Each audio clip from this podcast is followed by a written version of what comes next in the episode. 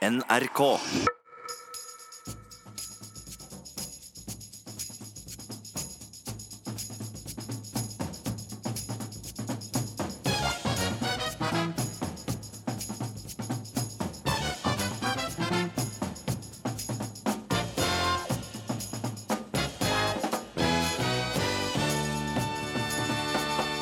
Tause Birgitte og Casino gjenoppstår på TV. Vi må slutte å lære jenter at kvinner skal holde kjeft og være objekt, sier skuespiller Iselin Shumba, som møter TV Norge til debatt. Komiker Sigrid Bonde Tusvik forteller gjerne at hun revna så mye etter fødsel at hun måtte gå med bleie. Men for mange er fødselsskader fortsatt tabu. Nordmenn må bli flinkere til å knytte kontakter og bygge nettverk, mener foredragsholder. Ikke bli en igle, advarer lektor. Og finanstopper krangla om damer og penger. Endte i kuttskader og rettssak. Finansfolk er rasshøl, mener forfatter. Du hører på Ukeslutt i NRK P1 og NRK P2, der vi også skal høre hvordan Drillo vurderer vinnersjansene når Norge møter Brasil til kamp 20 år etter. Jeg heter Gry Veiby.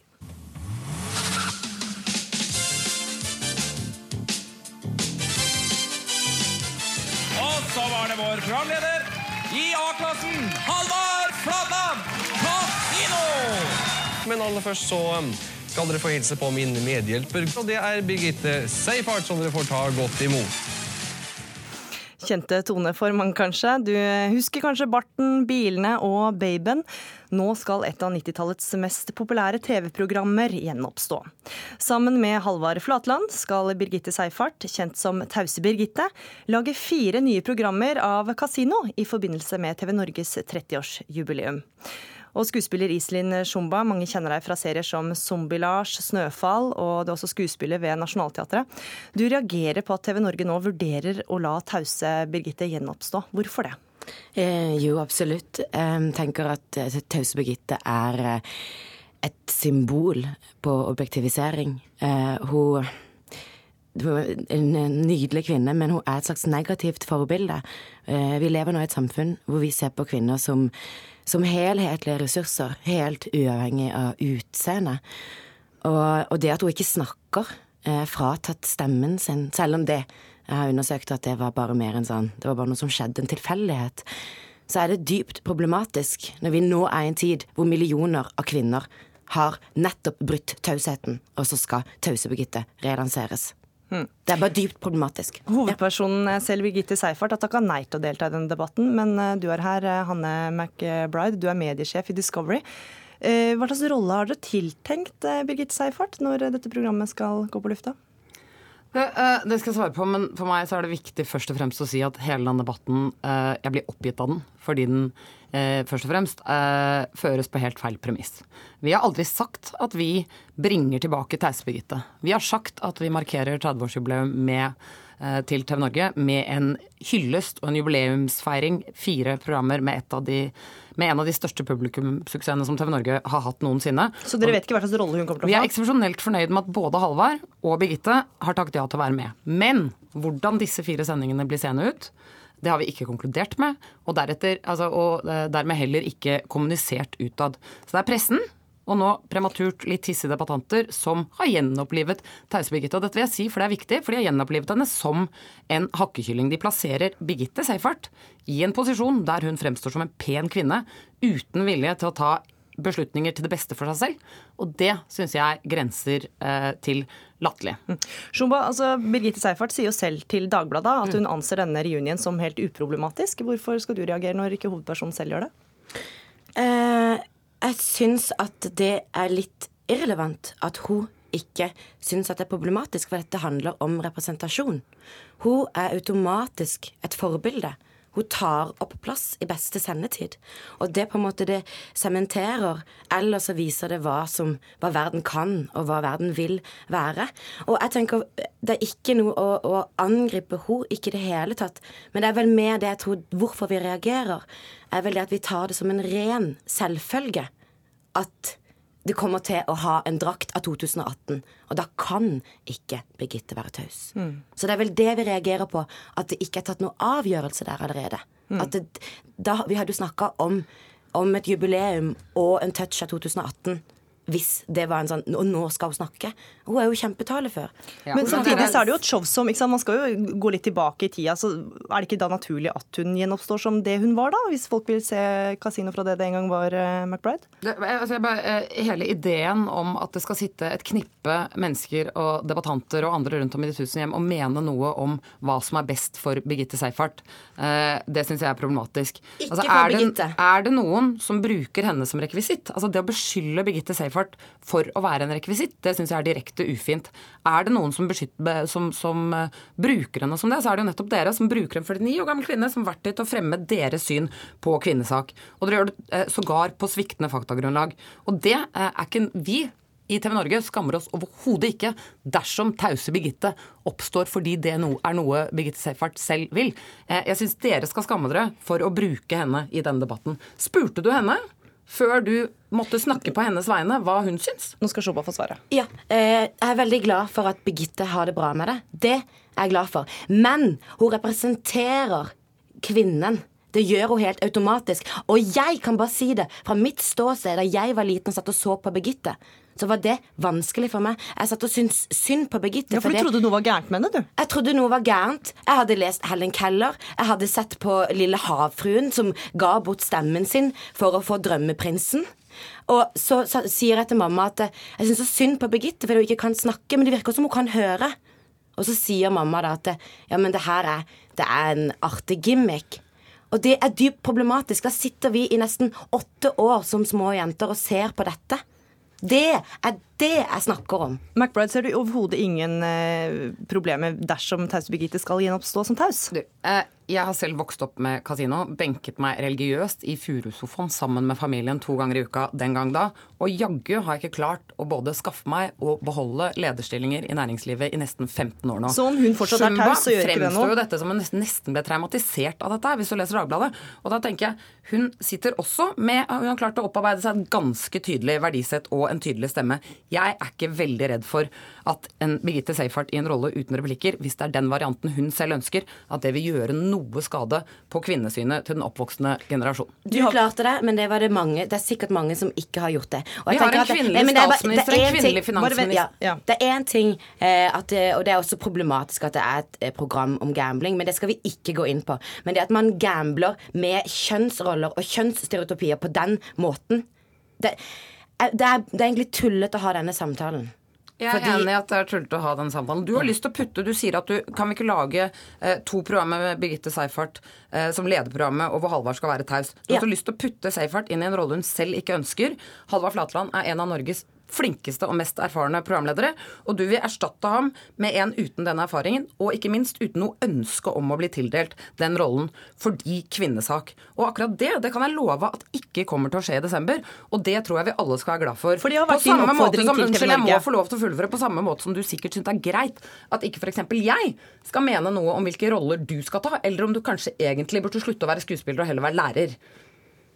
Eh, det er jo Nå spiller jeg en lærer. Eh, det er det vi har premiere i dag. Ja, men Det har du valgt helt men- selv. Det er ingen eh, i offentligheten som har ment noe på dine vegne, eller vært krenket på dine vegne, som har gjort at du har tatt de valgene. Det har du, som selvstendig kvinne i 2018, klart helt selv. Shumba får svare.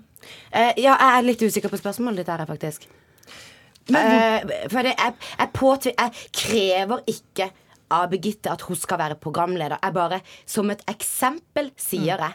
Det hadde vært en, da hadde man snakket om å kle dette programmet i en drakt av 2018. Da hadde det vært 50-50. Birgitte hadde vært ledet halvparten av programmene. Og for Halvard hadde stått vil. Og så får vi Nei. se, da, fordi at comebacket skjer ikke før i desember. Så da, det er først da vi får se hvordan programmet Men- skal se ut. Men dette er ikke, ikke å påtvinge Birgitte noe, men det er jo nettopp for å lyse på problematikken. Det er det jeg ønsker.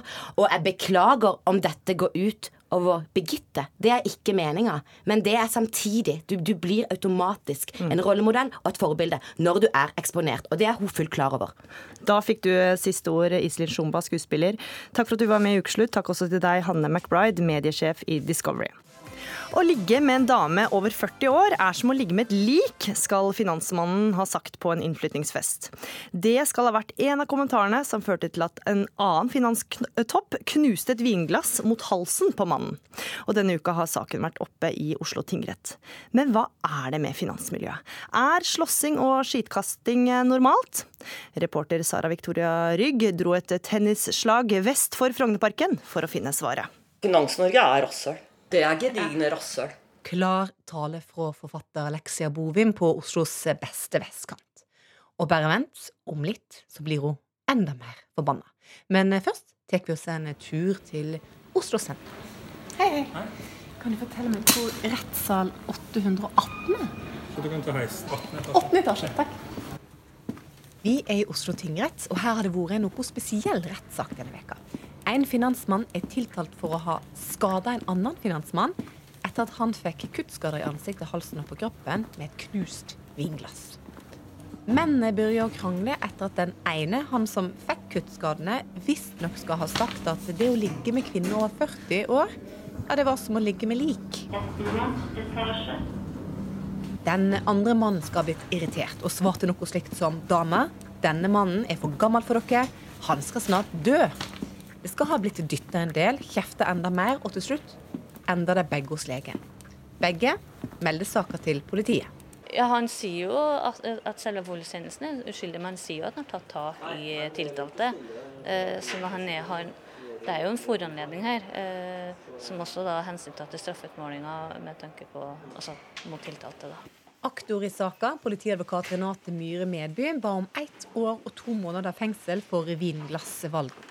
Forsvareren til finansmannen, Mette Yvonne Larsen, vil at han skal frikjennes. Han sier jo at han blir angrepet av en person som er sint på han fra før. Han har fått beskjed av en venn av seg å ikke være venn med han. Så han prøver å unngå et uh, angrep av en sinna mann som også er berusa. Så han sier at han rett og slett forsvarer seg her? Det er ikke bare han som sier det, det er veldig mange andre også som sier det. Kan dere ikke bare være de mobile rasshølene dere egentlig er, da? Og ikke oppta rettsapparatet med det? Klin hverandre ned og sånne ting. Men må dere lage så mye føss rundt alt mulig? Fordi det koster faktisk mer penger. Og når vi betaler skatt, vi, ja, men faen heller, det er ikke bare dere som betaler det. De som tjener mye mindre, de må betale, for det er en dumme ressursbortkastede greiene. Jeg sa jo at hun skulle bli sintere. I bøkene Frogner Fitter og Goldier skriver forfatter Alexia Bovim mellom annet om nyrike innen finansmiljø. Hei gutter, kom! Kom, inn med dere. Nå sender hun de to små hundene sine tilbake i huset, for vi skal på tur i nabolaget hennes. Her er vi på beste vest. Her bor det masse finansfolk. Her bor det mye finansfolk. Enn så lenge. Enn så lenge. Og jeg har jo aldri vært en del av norske finansmiljøer. Eller jeg var det da jeg var liten. Fordi pappa han var regissør, men hans venner var jo Det var jo arvinger. Mediekonsernarvinger og, og skipsrederarvinger og sånne ting. Og det naturlig nok så ble det en del av mine venner. Og den gangen var finansmiljøet nobelt. Ja, det var i hvert fall ikke som i dag, for den gangen var det jo gamle penger. Så de menneskene på bygda, de, vil jeg bare, de har jeg bare pent å si om. De som derimot flytter dit nå og har flyttet dit litt sånn nyrike, det er jo white trash. Det er tre ord som beskriver eh, Finans-Norge. Det er harry, ubehøvlet og wannabes. Er det så ille? Absolutt ikke. Der er jeg fullstendig uenig. Forfatter Tom Christensen har jobba innen finans i mange år og har skrevet flere kriminalromaner fra finansmiljøet. Vi sitter ved et restaurantbord på Tjuvholmen på Aker Brygge. En ynda plass for finansfiffen. Men er det, er det sånn at man må liksom blende inn litt igjen her? Du blender inn, gjør du hvis du er eh, kledd og ser ut på den riktige måten. Ja, Og det er Ja, for herrer er det jo dress, selvfølgelig. Nå har til og med slips kommet litt tilbake. For kvinner så er det jo mye silikonlepper og vesker til 60 000 kroner. Jeg følte meg helt ut. Jeg har ingen av delene. Hvis du eh, betrakter det bare utenfra, så ser du stereotypiene. Eh, og du ser ofte det du er på jakt etter også. Men hvis du jobber der, så ser du selvfølgelig veldig mange ja, både dedikerte fedre og mødre. Eh, omsorgsfulle, flinke. Eh, og alle disse positive egenskapene. Og det, det, er jo disse som stikker seg ut, som gjør at finansbransjen får dette stigmaet. Men er det da en eller annen grunn til at vi kanskje spesielt henger oss opp i f.eks. de som ikke oppfører seg bra i finansbransjen, f.eks.? Ja, men det er, ikke sant, Da har du dette med å flashe rikdom, f.eks. Det er jo ganske ekkelt til tider. Jeg slutter aldri å bli overrasket over hva penger gjør med folk. 10 000 kroner i arv kan få søsken til å slutte å snakke med hverandre for resten av livet. Det er hva penger kan gjøre med folk.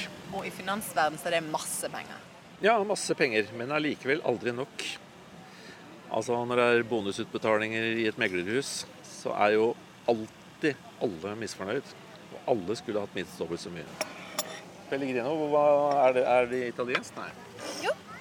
Vi får boblevannet vårt på bordet. Det er ekstra dyrt. Og visstnok ekstra godt. Smaker litt bedre, så får du den mineraliske tasten. Så herlig. Da må vi nesten si skål. Ja, skål da. Skål i mineraliske boblevann. Ja, herlig. Kjente du forskjellen? Absolutt. Er ikke det en sier når en får en eh, fin vin også? Jeg merker aldri forskjell. Jeg tør aldri si det. Langt unna italiensk boblevann, på et trangt kontor på Oslos østkant, sitter en blid zoolog Petter Bøckmann. Som finansmann så har man jo ikke laga pengene sjøl, man har jo snylta dem fra noen andre. strengt talt. Sånn at du må ha et visst konkurranseinstinkt, og kanskje ikke altfor mye skrupler heller. Og det tiltaler nok folk som kanskje har mer enn gjennomsnittlig mengde med testosteron, og derved også konkurranseinstinkt. Hva skjer når, når mye testosteron møtes? Ja, nei, da skjer det i bunn grunn hos mennesker, som det skjer hos la oss si, sjimpanser eller andre dyr. Da kan det bli klabb og babb. Mennesker er jo sånn sett en veldig fredelig art. Vi pleier ikke å banke hverandre opp, i motsetning til sjimpanser, som liksom pleier å banke hverandre opp. Men eh, det hender jo Vi har jo en reim av hua, vi også. Og når folk har fått seg en dråpe eller to, så pleier også kritisk sans å ta ferie, og da blir det litt lett å ty til hva skal jeg si, mer sånn sjimpansemetodikk i konkurransen. Alfahannene de eh, lever i beste velgående, ser vi. Forfatter Tom Christensen ler litt når han prater om rettssaker mellom de to finanstoppene.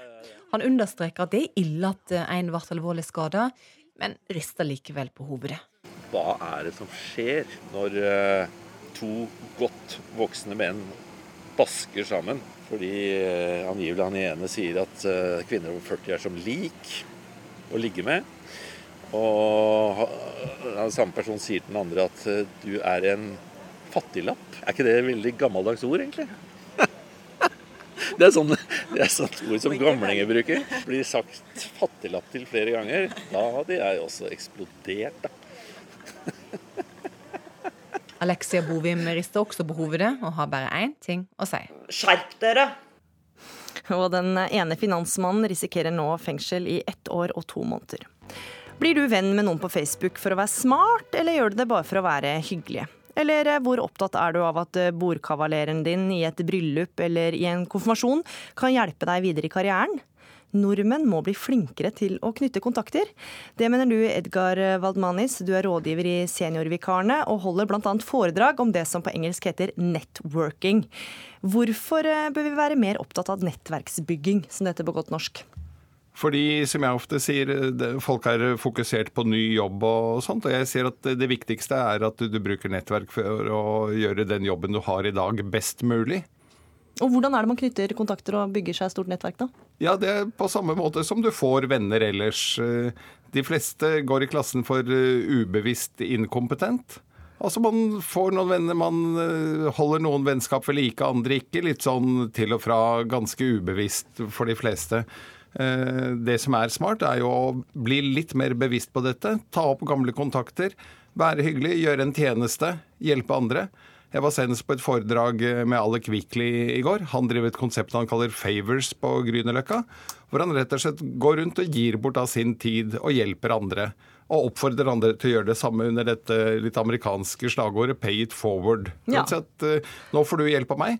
Og så skal du i sin tur hjelpe noen andre. Du skal ikke betale tilbake til meg, en sånn én-til-én-relasjon. Du skal gå ut og hjelpe noen andre her på Løkka. Eller for den saks skyld, om du er tilfeldig innom Løkka i dag, så hjelper du noen andre der hvor du bor. Og får og skaper nettverk. Og skaper og bygger på. Ja. Carl Fredrik Tangen, du er førstelektor ved Høgskolen Kristiania og underviser i bl.a. makt og nettverk. I høyskolen sin egen avis så advarer du mot å ta imot rådene fra nettverksbyggere som Valdmanis. Hvorfor det? Det betyr jo ikke at jeg advarer mot å bruke nettverk eller prøve å bli kjent med folk, eller at det er noen som kan gi deg mer enn andre, og at du bør gi dem noe for å få noe tilbake. Men det er at de Nettverk har blitt en sånn universalløsning for liksom å jobbe seg sjøl opp i, i verden. F.eks. hvis du blir arbeidsledig, så går du til Nav, og så sier kurslederen at se rundt dere. De som sitter rundt dere her, det er jo et nettverk. Det er et potensielt nettverk. Så sitter en haug med folk der som ikke har klart å få seg jobb. Så skal liksom de eh, lage et eh, nettverk som skal skaffe noen eh, jobb. Så problemet bl.a. med nettverk er at det er liksom de mektiges middel. Men så vet vi at mange får seg jobb ved at de, har et, at de snakker med folk, da. Det, det veit jo Det, jo liksom, det ligger jo noe i den Det er en som het Granovetter, som undersøkte folk som fikk sparken i IT-industrien. Sånn at disse som hadde løse nettverk, altså istedenfor at de kjente noen godt, så kjente de mange litt løst. De fikk seg kjappere, kjapp, kjappere jobb. Men vi ser sånn som i Norge, da, Hvorfor er det lav arbeidsledighet? Det er ikke fordi folk jobber i nettverk. Det er fordi det er fagforeninger og lover rundt det, og fordi økonomien går godt på annet uh, vis. Så at det, det blir altfor mye oppmerksomhet rundt nettverk, og de rådene ja. som blir gitt. De er, de, er så, de er, så, trivielle. Sånn at du skal få folk til å uh, Du skal skryte av folk, f.eks. For, eksempel, for at de skal liksom bli like deg. Det, det, det er så grusomt. Funker kanskje bedre i USA, Waldmanis? Ja, det gjør det for at folk er mye mer bevisst på det der. Det er det jeg da kaller bevisst kompetent i, i kvadranten jeg har laget i boken min 'Bedre nettverking på 1, 2, 3'. Men det er ikke sånn at man skal skryte. Det er, det er fint å fremsnakke andre for noe de har gjort, uten å forvente å få noe i retur. Det er også et sitat fra en av de mest kjente ledertrenerne i USA, Harvey Mackay, som sier 'don't keep score'. Altså Han sier at det er ikke en én til én. For da får du noe ut av det etter hvert? Ja. ja. Og det er ikke sagt at jeg får noe igjen av deg, det kan være at jeg får noe igjen av Tangen ja. eller av hans andre forelesere på den samme høyskolen. Fordi at jeg jobber og er positiv og er hyggelig, fremsnakker andre, hjelper dem der hvor jeg kan hjelpe, med det jeg kan hjelpe. Og alle kan gi noe. De kan gi av sin kompetanse, av erfaring. Uh, det er ikke at du skal gi bort det du lever av eh, heller, men hvis jeg nå Ja. Tangen. Folk som, Høres ut som bare å være et godt menneske. Ja, for, for, ja, det, ja, det er rett og slett det. Men det vet vi fra før av. Vi trenger jo ikke å gå på kurs eller lese bok eller noe sånt for, for å høre Fint hvis det. du kjøper boken, da. altså, sånn, hva skal du gjøre hvis du er på et styremøte? Jeg har bare et sitat fra boka til Edgar her. Uttale seg positivt om det ene styremedlemmets studiested. Altså at du, og, og, og, det er jo litt problematisk hvis folk altså, Det folk gjør her, da De utnytter jo de systemene som finnes for mellommenneskelighet. Mm. Det er litt sånn som nettverkssalg fungerer. Altså Du er venn med noen, og så kommer de skal de selge Nature's Own eh, kosttilskudd eller noe sånt. Ja, for du mener at det kan bikke litt over til at du blir litt sånn parasitt? Og hvis du oppfører deg sånn, da du, mm. Det er så vanskelig å beherske. Og hvis du oppfører deg sånn, så vil ikke folk ha vennen din. Mm. Sånn at da går du på kurs, og så lærer du deg egentlig å etablere deg altså, og skaffe deg, skaffe deg uvenner i, i stedet. Ja, Valmanis, Hvordan unngå å bli sånn iglete som alle bare tenker at er ute etter noe? Nei, det er jo akkurat det jeg sier, at du må gi først. Og gi først og gi først og gi først. Og så kanskje du får noe igjen. Du skal ikke gi for å få. Du, du, skal gi fordi du har lyst til, og fordi du har muligheten til. Men du er jo ute etter kontakter. Det høres jo, altså, Du gir og gir jo for at du er ute etter kontakter og bedre ja, nettverk. Ja, og så kommer kontaktene i retur. Så en baktanke. Nei, det er ikke en baktanke i og for seg. Det er jo at uh, er du en hyggelig fyr, så får du jo flere venner enn altså Det minner meg litt om eh, Rino Tue i 'Nissene på låven', som sier at uh, venner må du kjøpe, men fiender får du gratis. Og da er jo regnestykket enkelt. Jeg vet ikke hvor godt Rino er som sånn forbilde. det er veldig dårlig, ikke sant? Men, men, poenget er jo rett og slett eh, sånn som alle Kvikli som nå går rundt på Grünerløkka og hjelper folk ja. ut av sin egen Nettverk er jo også at folk som kjenner hverandre, passer på hverandre, og så gjør de det litt skjult. De, de, bare kjenner hverandre, og så er det tilfeldig, og så veit de hvem som er gode. Det jobbes jo litt mot nettverk. Nettverk og nepotisme, altså at søskenbarn passer på hverandre, det er ganske, sånn, ganske, ganske nære. Så på to områder. da, altså Både at du ikke vil at elite liksom skal reproduseres, um, og at du vil at andre skal slippe, slippe til. altså Du vil liksom både ha marked som er fritt, hvor, alt, hvor det beste skal vinne fram, og du vil ha kontroll. Og midt imellom der så er det nettverk som opererer sånn at ingen veit helt hva som foregår, bortsett fra disse som er i nettverket. Sånn at det er så Individer bør ikke få nettverksråd, for de kommer ikke til å beherske de råda som de får. De blir ålete isteden. Samfunnet bør ikke anbefale nettverk, fordi det er nedbrytende for samfunnet. Jeg mener jo stikk motsatt, at du får massevis eh, igjen for å bygge gode nettverk og gi hjelp. Så får du hjelp tilbake, og det er ikke noe ålete eller slimete i det i det hele tatt. Da fikk du siste ordet, Edgar Waldmanis, rådgiver i Seniorvikarene. Takk til deg, og takk også til deg, Carl Fredrik Tangen, førstelektor ved Høgskolen i Kristiania. Du hører på Ukeslutt i P1 og P2. Fortsett med det. Jeg måtte gå med bleie i hele fjor sommer, sier komiker Sigrid Bonde Tusvik, som vil at flere skal snakke åpent om skader de har fått under fødsel. Og jeg har aldri visst så lite om motstanderne som jeg gjør nå, sier Egil Drillo Olsen. Om få timer møter Norge Brasil i gjenforeningskamp. Å få et eh, barn er for mange det største i livet. Et lite nurk som man stolt viser fram for alle som vil se. Det vi sjelden hører om, er fødsler som ikke går så bra, særlig de som fører til, eh, fører til skader på mor. Men eh, komiker Sigrid Bonde Tusvik, det var mye som gikk galt under din andre fødsel, noe du også delte på din egen podkast. Hva var det som skjedde da du fødte? Jeg eh, revnet da, fikk revnegrad fire, det er det høyeste du kan få. Jeg da eh, ødela meg nedentil hele skjedeveggen mot eh, da tykktarmen, hele mellomkjøttet, og revnet da endetarmsåpningen. Begge musklene, både indre og ytre, tvert, tvers over, da. Så da må det jo opereres. Det ble jo da lagt i narkose rett etter fødselen. Og så var det jo eh, på en måte rett etterpå ganske slitsomt da. Du må jo holde avføringen din løs og alt mulig. Så jeg sto rett og slett og fødte, da. Så liksom han føyk ut på en måte av kroppen min. Fordi jeg var egentlig ikke klar for å Eller ingen av oss trodde at jeg skulle føde han stående. Og Mm. det skal man jo ikke gjøre, da. Og det påvirka jo livet ditt eh, også etter fødsel. Du forteller jo podkasten vår at du gikk med bleie, f.eks. Ja da, det er jo veldig vanlig. Du bæsjer på deg eh, både fordi du må gå på lakserende for å ikke ha, ha hard avføring. Og så må du da på en måte finne balansen da og ikke bli helt uh, forvannet av avføring. Og så må du jo, uh, skal du amme i tillegg. Så det er jo liksom Det som er rett etter en fødselsskade, er jo at du allerede er ganske hoven, ødelagt, og du har brystspreng, og du har brystbetennelse, og du skal amme, og du skal ha våkenhet. Altså du er jo i litt i Litt i sjokk. Alt mulig på en gang. Eh, Og da når du får sånn eh, hard fødselsskap da oppå det, så blir du jo ganske eh, Altså du får, kroppen får kjørt seg, da. Mm. Eh, men jeg følte meg ganske ivaretatt av Ullevål sykehus. De sa at det er ca. én i året da, som får den skaden jeg fikk, så alvorlig. Eh, og de vil jo helst ikke at det skal skje, da, så de var veldig, veldig veldig lei seg. Og veldig på en måte sinte og lei seg. Eh, Som jeg syns er en veldig sånn fin reaksjon egentlig av det offentlige sykehuset. At eh, de reagerer selv også på at dette skal ikke skje.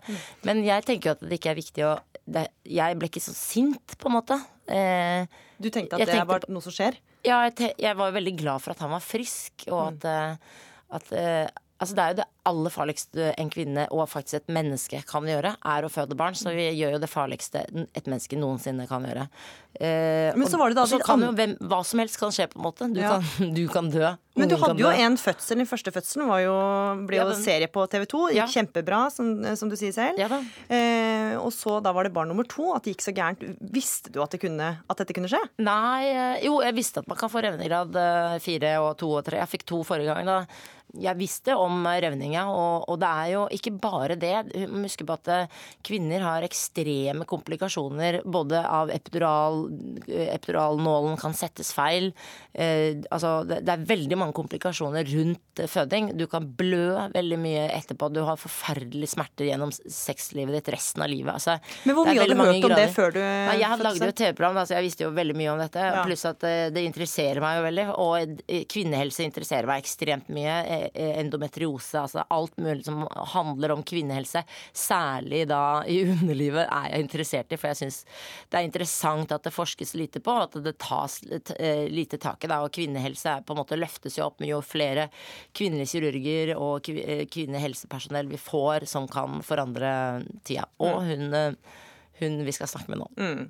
Da introduserte du Tonje Salen, som eh, er en av historiene vi har kunnet lese om på nrk.no denne uka. Ehm, fordi du er, eh, ble delvis ufør etter skaden som oppsto under fødsel for ti år siden. Og har vært med på å starte Landsforeningen for kvinner med fødselsskader, der du er nestleder. Hva tror du det betyr at vi hører historier da, som eh, din og Sigrid Bonde Tusvik sin, at eh, ikke alt går bra med mor etter fødsel? Jeg tror det er veldig viktig. Eh, Altså, det er jo mye ut av de fødselsskadene er jo fortsatt litt tabubelagt, og det er så intimt. Eh, Så eh, jeg tror det er kjempeviktig at det blir belyst og kommer frem i, i media. Mm. For kartleggingen til NRK viser jo da at det er ingen som veit nøyaktig hvor mange som får varige skader etter eh, fødselen. Hva er din forklaring på det, Salen? Jeg tror det er mange som for det første ikke tør å ta det opp med legene sine, f.eks. Mange sliter psykisk etter eh, å ha kanskje hatt en traumatisk fødsel eller eh, sliter med skadene og eh, syns det blir vanskelig å ta det videre, da. Mange har nok med seg sjøl rett og slett å ivareta barnet de har fått. Men eh, Tonje Salen, du sier jo at det er eh, mye tabu rundt dette her. Altså, og du har jo da fortalt din historie. Hva har det kosta deg å stå fram og fortelle dette her til hele Norge? Um, det er klart det er jo, det er jo litt uh, tungt å stå frem med det. Uh, men uh, for min del så har det egentlig bare vært godt å få delt den historien. Og jeg har mottatt så mange henvendelser fra unge jenter, og også godt voksne damer, som eh, har følt seg mye alene og kunne kjenne seg igjen i mye av det jeg fortalte, og syns det var godt at det ble satt fokus på det, da. Du har også prøvd å klage uten hell. Altså, de fleste som eh, søker erstatning og klager på fødselen, de får jo ikke medhold pga. at lovverket er sånn som det er. Men du anbefaler, eller dere anbefaler andre å klage. Hvorfor det? Nei, for det bør jo bli registrert som en fødselsskade. Sigrid Bonde Tusvik, du nikker, men du har jo ikke klaget sjøl. Nei, eh, jeg føler på en måte eh, at jeg, erstatningen min er de operasjonene jeg får av staten. Jeg har vel brukt 800 000 kroner da, på å sy sammen underlivet mitt nå eh, på to år. Men det måtte skal del- registreres, da. Ja, det er det jeg nikket Mm. til. Var derfor jeg Mm. nikket. Fordi mine legevenner da, er veldig opptatt av at jeg burde egentlig klage for nettopp å få det registrert. Da. For jeg har jo tenkt sånn at jeg trenger ikke å ta mer penger fra Altså jeg er ikke noe sint på legene eller jordmødrene her. Eh, Så jeg, jeg føler meg ikke at jeg trenger noe erstatning. Men når legene mine, som da jobber på offentlig sykehus, legevennene sier at du bør gjøre det fordi det registreres, du får mye mer statistikk da etter hvert, det Jeg skjønner jo det vel, ja, argumentet veldig godt, da. Uavhengig om man får erstatning eller ikke, så bør det jo registreres. For da kanskje det kan bli gjort noe med det i forhold til forebygging, eh, ikke minst. Og samtidig òg at det kan eh, skje noe i forhold til at de som det her skjer med, blir ivaretatt eh, på en ordentlig måte. For det er ikke alle som blir det på den måten som Sigrid her har blitt. Det er kanskje noen gravide nå som hører på dere, og som eh, tenker at keisersnitt er den eneste løsning. Eh, Tonje Salen, hva er ditt råd til en som skal føde? De sier jo at det beste er for barnet å bli født vaginalt, og for de fleste så går jo det fint. Eh, Det er jo ikke sånn at alle skal slutte å føde, og alle må få keisersnitt, men det handler jo litt om at eh, ja, få gjort forholdsregler, f.eks. For måle i forhold til bekkenet. Det ble ikke gjort i min sak, da. Sjekke at det er At alt ligger til rette, da, for en eh, naturlig og vaginal fødsel. Sigrid Bonde Tusvik, hva er ditt råd til eh, noen som sitter og venter på å føde nå? Mine råd til alle fødende kvinner er ikke få panikk. Les deg nøye opp på hvordan det er å føde, så du ikke blir redd. Du må ha hele tiden hodet ditt med deg, med eh, kroppen og og ungen som kommer ut. Men du hadde jo lest deg mye opp da, i Jeg at du lagde denne serien. alt, så jeg, jeg visste egentlig idet det skjedde at eh, nå var jeg dum. Jeg trøkka eh, jeg, jeg, jeg er for liksom sterk i beina. Jeg trøkka for mye ut rett før jeg egentlig skulle legge meg ned for å føde ungen eh, med pressriene. Så problemet mitt var egentlig at jeg juksa litt. Jeg eh, var for utålmodig, og jeg hørte ikke på jordmoren. Så man må høre på helsepersonell, det er de som ofte kan det. Men hjernen din og, og kroppen din må være i ett. Sigrid Bonde Tusvik og Tonje Salen, takk for at dere var med i Ukeslutt. Den eh, islamkritiske organisasjonen Sian, Stopp islamiseringen av Norge, demonstrerer på Gjøvik i dag. Flere hundre mennesker har allerede vært samla til eh, motdemonstrasjon. Og Sian starta sin demonstrasjon nå nettopp, og reporter Ola Bjørlo Strande, hva skjer der du er?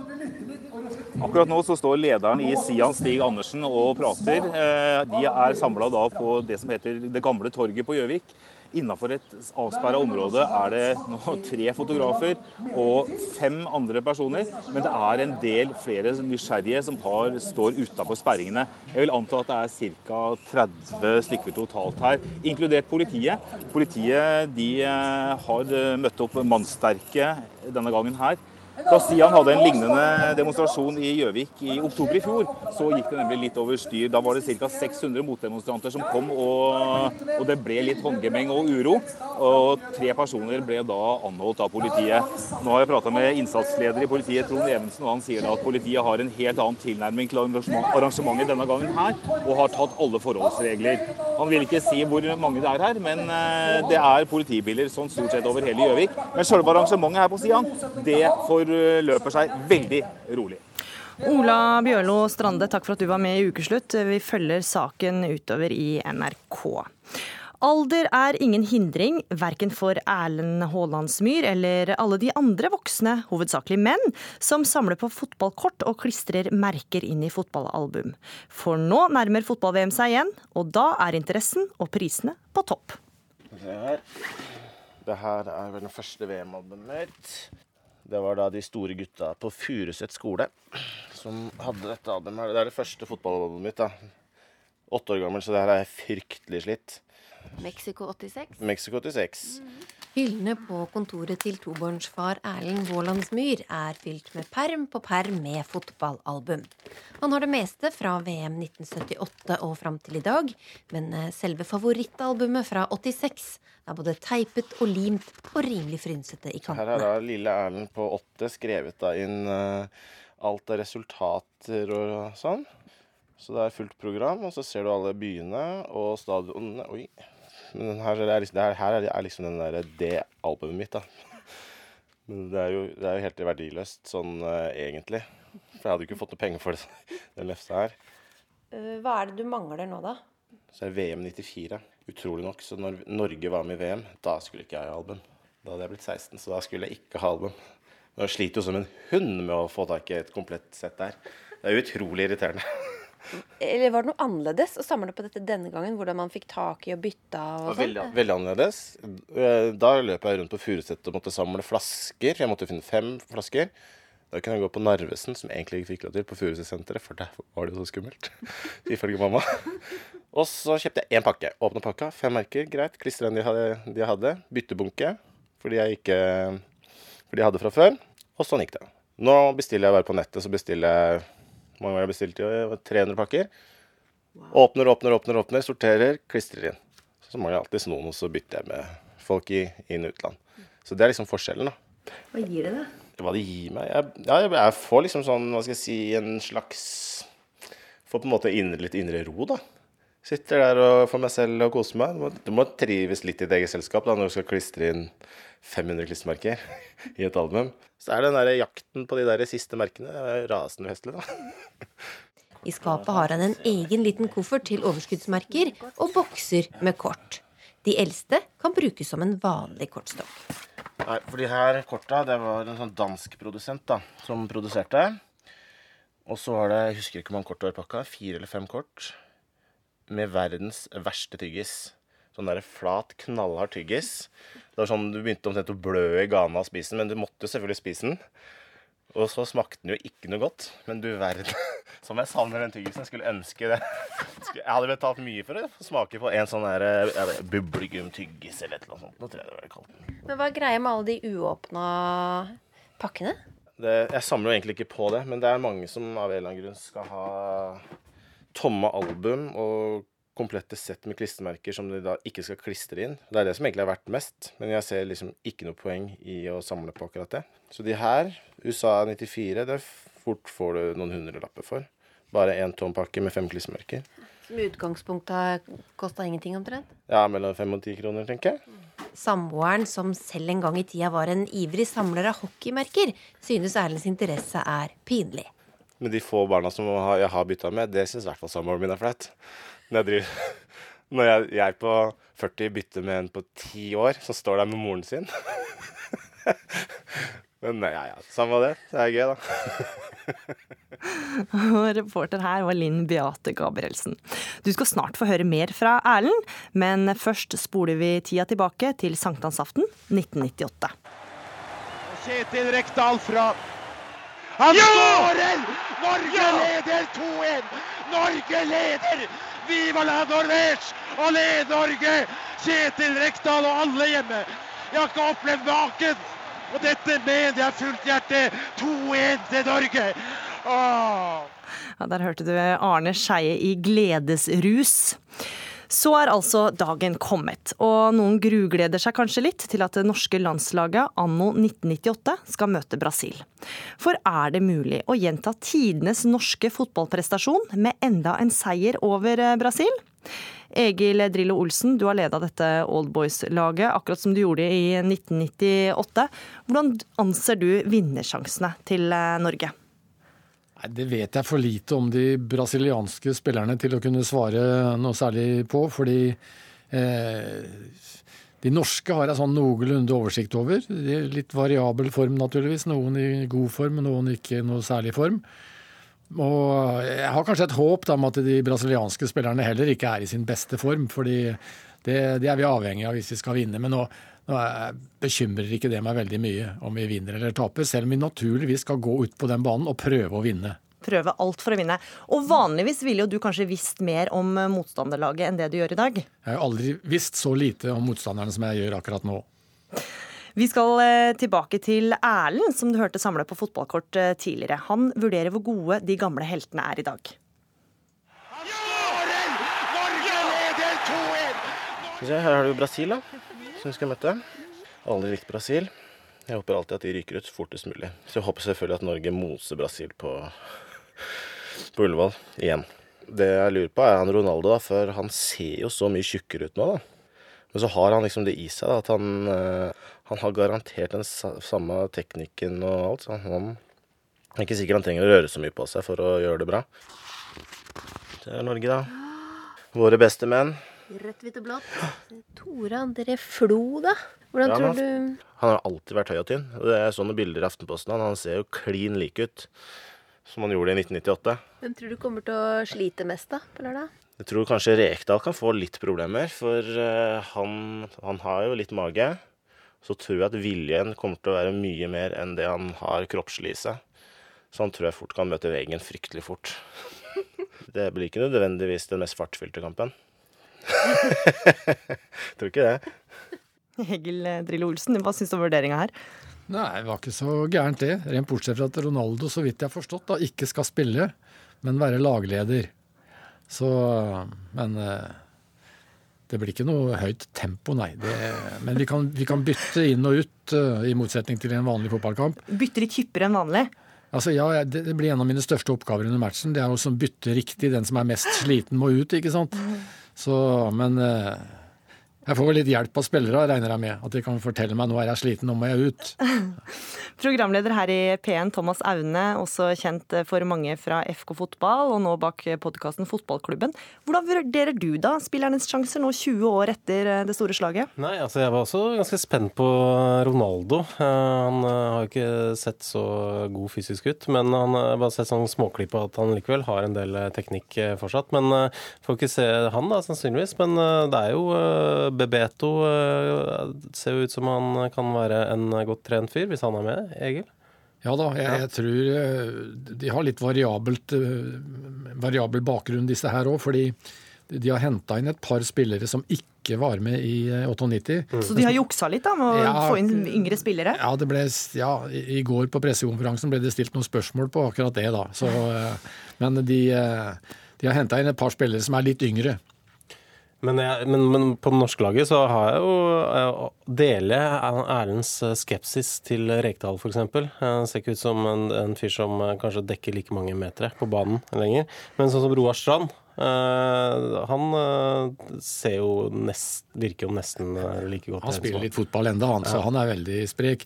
Men hvis Reka ikke holder, vet du Jeg har jo en Ståle Solbakken i bakhånd her. Ja, det er, ja da. Har du hatt mye kontakt med disse gutta, eller, siden eh, dere spilte i 98? Nei, ikke mye. Men eh, da dette her eh, kom på banen, så Jeg har snakka med alle minus én, tror jeg, eh, før, før dette her. Så, mm, men ellers er noen har jeg jo kontakt med som, som jobber i fotballforbundet, og som ja, de er For jo, mange holder på innen fotball? ja, de er jo ledere og trenere omtrent hele bunchen, vet du. Det, Aune, hvor smart var det av eh, Drillo og de andre spillerne å si ja til denne kampen? Denne omkampen? Nei, det er, altså, det, er, det er jo så klart gøy. Det er gøy å se de gamle brasilianerne igjen. Og så er det jo gøy å, å, å se det norske landslaget samla igjen. Men eh, man skal jo kanskje ikke ha for høye forventninger til at det skal Nei, det, man, det blir jo ikke en like bra kamp. Nei, for eh, du har ikke så høye forventninger, du. Til denne kampen? Nei, ikke sånn kjempe sånn eh, spillemessig. Eh, Men eh, det blir jo mer en anledning og litt moro, liksom. Men eh, sportslig sett så er det ikke sikkert at det blir den beste kampen man har sett på Ullevål i år. Drillo, du smiler, så du Ja, må kanskje tør være enig i det? Jeg tør nesten ikke å si det, men hvis ikke jeg har vært i den situasjonen jeg er i Jeg hadde aldri giddet å gå til og sett på en sånn kamp som det der. Allikevel skal du lede den, da, for, Ja. for Norge. Ja, nemlig. Så jeg er forplikta til å være der. Men hva var det som gjorde at du sa ja til å prøve å lede Norge til seier igjen, vil jeg anta? Da Aftenposten kom til meg med ideen, så, så sa jeg bare at dette er jo galskap. Eh, Det er ingen som gidder å komme og se på oldboys-fotball. Men der tok jeg altså grundig feil. Fordi eh, sannsynligvis så kommer det over 20 000 og ser på. Hva blir det største høydepunktet, Aune? Um, nei, forhåpentligvis så blir det vel eh, et eller annet eh, vakkert mål fra Eller altså, kanskje Kjetil Rekdal får prøve seg fra straffemerket igjen, eller eh, et eller annet sånt. Eh, altså, eh, Tore André Flo også er en fyr som jeg er, eh, også har litt forventninger til. Han ser fortsatt ung ut. Eh, driver i hvert fall og trener litt lag, eh, virker det som. Sånn at det virker som han holder seg en del i aktivitet. Eh, så det er noen av de folka som det fortsatt tipper at det vil være litt gøy å se behandle en ball, da. Skifta ut begge hoftene, da, Tore André. Ja, så det er, det er litt redusert. Hvor mye kommer Norge til å vinne med, da? Drillo først. Nei, jeg liker jo ikke å tippe, jeg også, men eh, så eh, jeg, jeg skal være litt optimist, så kan jeg jo tippe 3-2 til Norge. Ja, jeg tenkte også at det kanskje blir litt mer mål enn sist. Eh, Jeg tipper jevn kamp 4-3. En ting er i hvert fall sikkert, mange kommer til å sitte ytterst på stolen når kampen starter kvart over fem i dag. Og kampen kan du se direkte på NRK1. Takk for at dere var med i Ukeslutt, og lykke til, Egil Drillo Olsen og Thomas Aune. Ukeslutt er slutt. Eh, Ansvarlig for sendinga var Kari Li. Det tekniske ansvaret hadde Frode Thorshaug, og her i studio var Gry Veiby. I kjelleren på Ila fengsel sitter psykisk syke fanger på isolasjon. Noen har sittet der i fem og seks år. Det får du høre snart på Røverradioen på NRK P2 straks.